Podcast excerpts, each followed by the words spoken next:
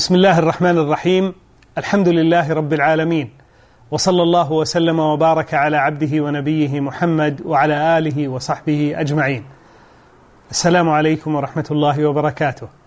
أسعد الله أوقاتكم معشر المؤمنين والمؤمنات في حلقة جديدة من سلسلة دروس العقيدة الإسلامية.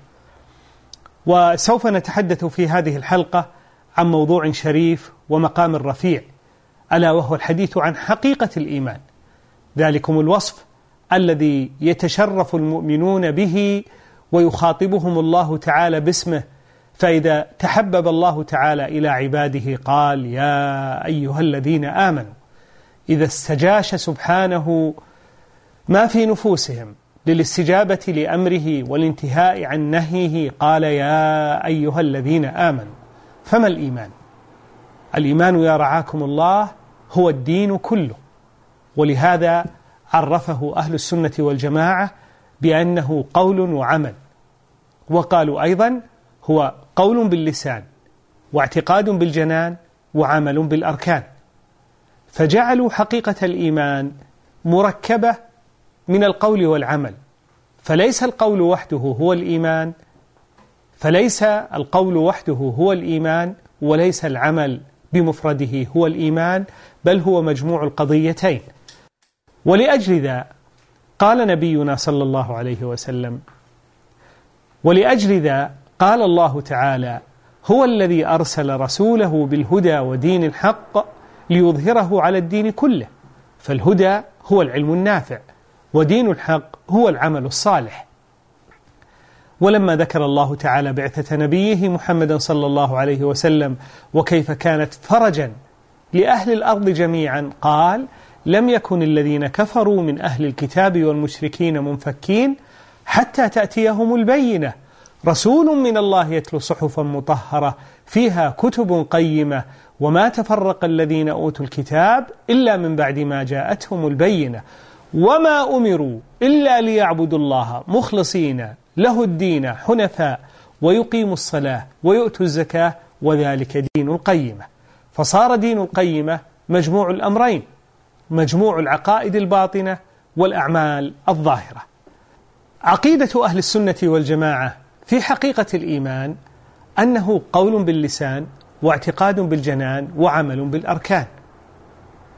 ويعبرون عنها بطريقة أخرى فيقولون الإيمان قول وعمل. قول القلب واللسان وعمل القلب واللسان والجوارح.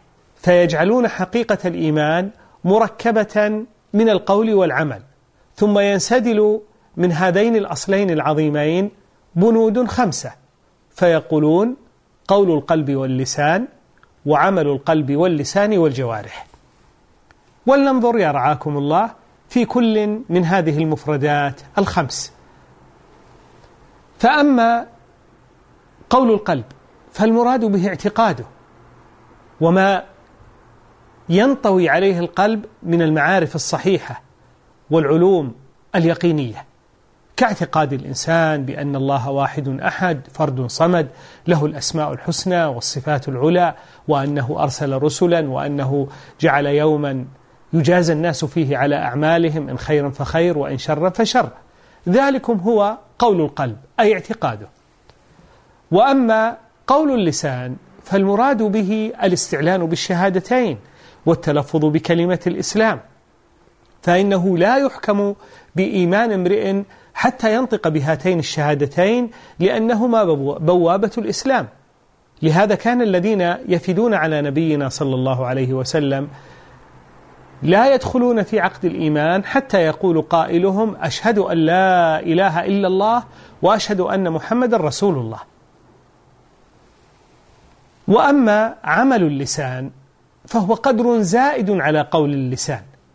إذ أن قول اللسان يعني الاستعلان بالشهادتين وأما عمل اللسان فيراد به ما يلهج به اللسان من العبادات القولية كالذكر والتلاوة والدعاء والأمر بالمعروف والنهي عن المنكر والدعوة إلى الله وعموم الكلم الطيب من الأوراد والأذكار وغيرها.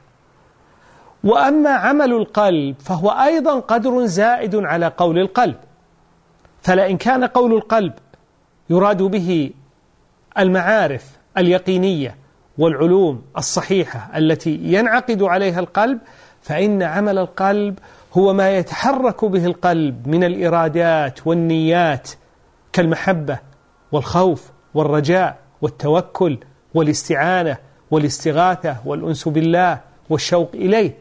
فإن هذه وظائف قلبية تنبعث من القلب وليست مجرد عقائد. بقي الأمر الخامس وهو عمل الجوارح.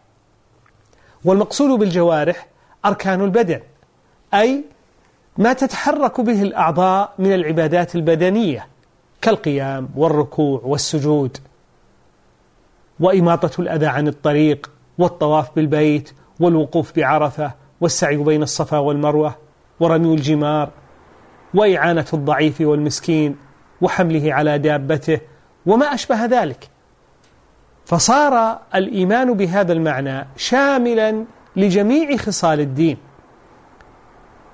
وهو بهذه الصورة يكون إيمانا كاملا كما قال الله عز وجل إنما المؤمنون الذين إذا ذكر الله وجلت قلوبهم. فهذا عمل القلب أي الخشية. وإذا تليت عليهم آياته زادتهم إيمانا وعلى ربهم يتوكلون. التوكل أيضا من أعمال القلوب الذين يقيمون الصلاة وهذا من أعمال الجوارح. ومما رزقناهم ينفقون وهي عبادة مالية. أولئك هم المؤمنون حقا لهم درجات عند ربهم ومغفرة ورزق كريم. ويقول الله عز وجل إنما المؤمنون الذين آمنوا بالله ورسوله ثم لم يرتابوا وجاهدوا بأموالهم وأنفسهم في سبيل الله. إذا قلوبهم مصدقة لا يتطرق إليها الريب وفوق ذلك ضموا إليها أعمال البدن من الجهاد في سبيل الله والروحة والغدوة في سبيل الله والإنفاق من المال. ولهذا قال في آخر الآية أولئك هم الصادقون. وقال صلى الله عليه وسلم الإيمان بضع وسبعون شعبة فأعلاها قول لا إله إلا الله. وهذا يدل على اعتقاد القلب وقول القلب معا. وهذا يدل على اعتقاد القلب وقول اللسان. وأدناها إماطة الأذى عن الطريق وذلك يدل على عمل الجوارح. والحياء شعبة من الإيمان وهذا دليل على عمل القلب والحديث متفق عليه. فتبين بهذا يا رعاكم الله أن للإيمان حقيقة مركبة من القول والعمل وأنه مجموع الأمرين معا فليس الإيمان القول فقط ولا العمل فقط. ومما يتعين العلم به في هذا المقام أن نعرف الفرق بين الإيمان والإسلام. فإن الإيمان والإسلام يجتمعان في الدلالة على الدين كله عند الافتراق. فإذا جاء ذكر الإيمان في نص مستقل عن الإسلام أو جاء ذكر الإسلام في نص مستقل عن الإيمان فإن كل منهما حينئذ يدل على الدين كله. كما قال الله تعالى إن الدين عند الله الإسلام. وأما إذا اجتمع في نص واحد فإن الإسلام يدل على الأعمال الظاهرة والإيمان تراد به العقائد الباطنة. ومما يدل على الفرق بين الاصطلاحين بجلاء قول الله تعالى قالت الأعراب آمنا قل لم تؤمنوا ولكن قولوا أسلمنا ولما يدخل الإيمان في قلوبكم. فهؤلاء طائفة من الأعراب ادعوا الإيمان وكأنما زعموا لأنفسهم الإيمان الكامل أو الإيمان الواجب وكانوا حديث عهد بإسلام. فالله سبحانه وتعالى لم يقرهم على دعواهم تلك بل أمرهم أن يعدلوا العبارة بأن يقولوا أسلمنا أي أنه حصل منا الاستسلام الظاهر والانقياد الظاهر. أما حقيقة الإيمان التي تباشر القلب فبعد لم تكتمل بدليل قوله ولما والتعبير بلما ليس كالتعبير بلم فإن لم تفيد النفي وهو ما قد يشعر أن القوم منافقين والأمر ليس كذلك فإنهم ليسوا منافقين وإنما عبر بلما أي كأن الأمر وشيك أن يحصل. ومما يدل على انفراد كل منهما بمعنى يختص به عند الاجتماع حديث جبريل عليه السلام. فإنه لما سأل النبي صلى الله عليه وسلم عن الإسلام فسره بالأعمال الظاهرة فقال الإسلام أن تشهد أن لا إله إلا الله وأن محمد رسول الله وتقيم الصلاة وتؤتي الزكاة وتصوم رمضان وتحج البيت إن استطعت إليه سبيلا. ففسر الإسلام بالأعمال الظاهرة ولما سأله عن الإيمان قال الإيمان أن تؤمن بالله وملائكته وكتبه ورسله واليوم الآخر وتؤمن بالقدر خيره وشره. ففسر الإيمان بالعقائد الباطنة. فدل ذلك على أنهما عند الاجتماع يفترق معناهما.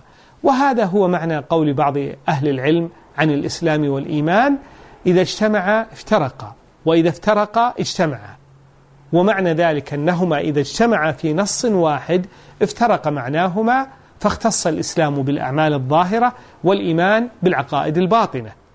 وإذا افترقا اجتمعا أي إذا ورد كل منهما في نص مستقل فإنه يدل على صاحبه يدل على الدين كله دون تفريق.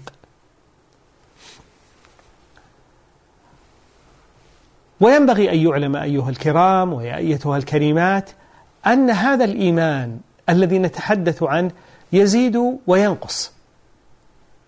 فقد جاء ناطق الكتاب في نحو ستة مواضع في كتاب الله بإثبات الزيادة في الإيمان. قال الله عز وجل في سورة آل عمران الذين قال لهم الناس إن الناس قد جمعوا لكم فاخشوهم فزادهم إيمانا. وقالوا حسبنا الله ونعم الوكيل. وقال في مستهل سورة الأنفال فيما تلون آنفا وإذا تليت عليهم آياته زادتهم إيمانا.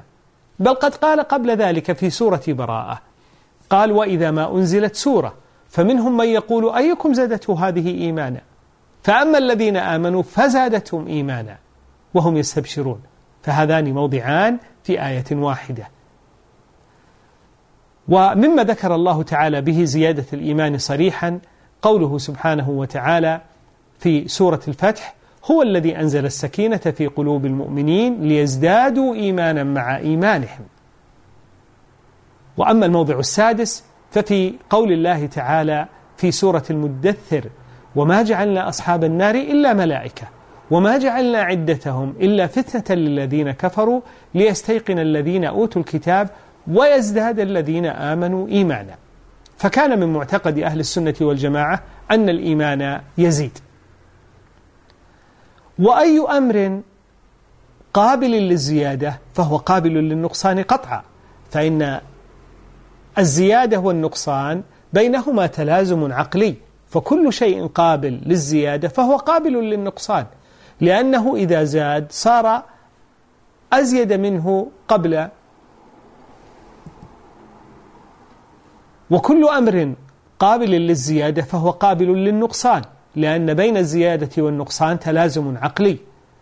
فكل أمر قابل للزيادة فهو قابل للنقصان أيضا. وزيادة الإيمان ونقصانه تتعلق بأمور متنوعة. وذلك أن الإيمان يزيد بالتفكر في مخلوقات الله تعالى. كما قال ربنا عز وجل قل انظروا ماذا في السماوات والأرض وما تغني الآيات والنذر عن قوم لا يؤمنون. وتزيد أيضا بتدبر كتاب الله تعالى. فإن تدبر كتاب الله تعالى من أعظم أسباب زيادة الإيمان. كما أن الإيمان أيضا يزيد بفعل الطاعة تقربا إلى الله تعالى. ويزيد أيضا بترك المعصية خوفا من الله تعالى. وأضداد هذه الخصال تؤدي إلى نقصان الإيمان. فالغفلة عن النظر في ملكوت السماوات والأرض تؤدي إلى البلادة ونقصان الإيمان. والإعراض عن تدبر كتاب الله تعالى يضع على القلب أقفالا فينقص الإيمان بسببه. كما أن غشيان المعاصي سبب لنقص الإيمان وترك الطاعات سبب لنقص الإيمان. فعلمنا بذلك أن للإيمان أسبابا تزيده وأسبابا تنقصه. ومما ينبغي أيضا أن نعلمه في هذا المقام أن الإيمان يتفاضل فخصال الإيمان ليست على حد سواء بل بعضها أفضل من بعض كما في الحديث المتفق عليه من قول النبي صلى الله عليه وسلم الإيمان بضع وسبعون شعبة. فأعلاها قول لا إله إلا الله وأدناها إماطة الأذى عن الطريق والحياء شعبة من الإيمان. إذا قوله أعلاها وأدناها يدل على أن خصال الإيمان تتفاوت وهذا كثير. فيسأل النبي صلى الله عليه وسلم أي الإيمان أفضل أي الأعمال أحب إلى الله؟ فلا ريب أن خصال الإيمان تتفاوت.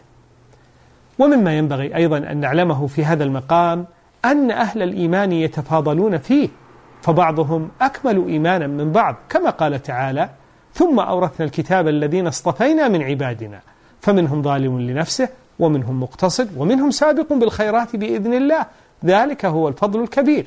فجعل الله تعالى المؤمنين ثلاثة أطباق. وهم الظالم لنفسه وهو الذي فعل بعض المعاصي وترك بعض الواجبات. مع بقاء أصل الإيمان عنده. ومنهم المقتصد وهو الذي اقتصر على فعل الواجبات دون المستحبات واجتنب المحرمات دون المكروهات. وأعلى هذه الطبقات السابقون بالخيرات وهم الذين فعلوا الواجبات وهم الذين فعلوا الواجبات والمستحبات وتركوا المحرمات والمكروهات. ومما يدل أيضا على هذا التفاضل قول النبي صلى الله عليه وسلم أكمل المؤمنين أكمل المؤمنين إيمانا أحسنهم خلقا كما رواه الإمام أحمد وأبو داود والترمذي. هذا وللحديث صلة إن شاء الله تعالى وصلى الله على نبينا محمد وعلى آله وصحبه أجمعين.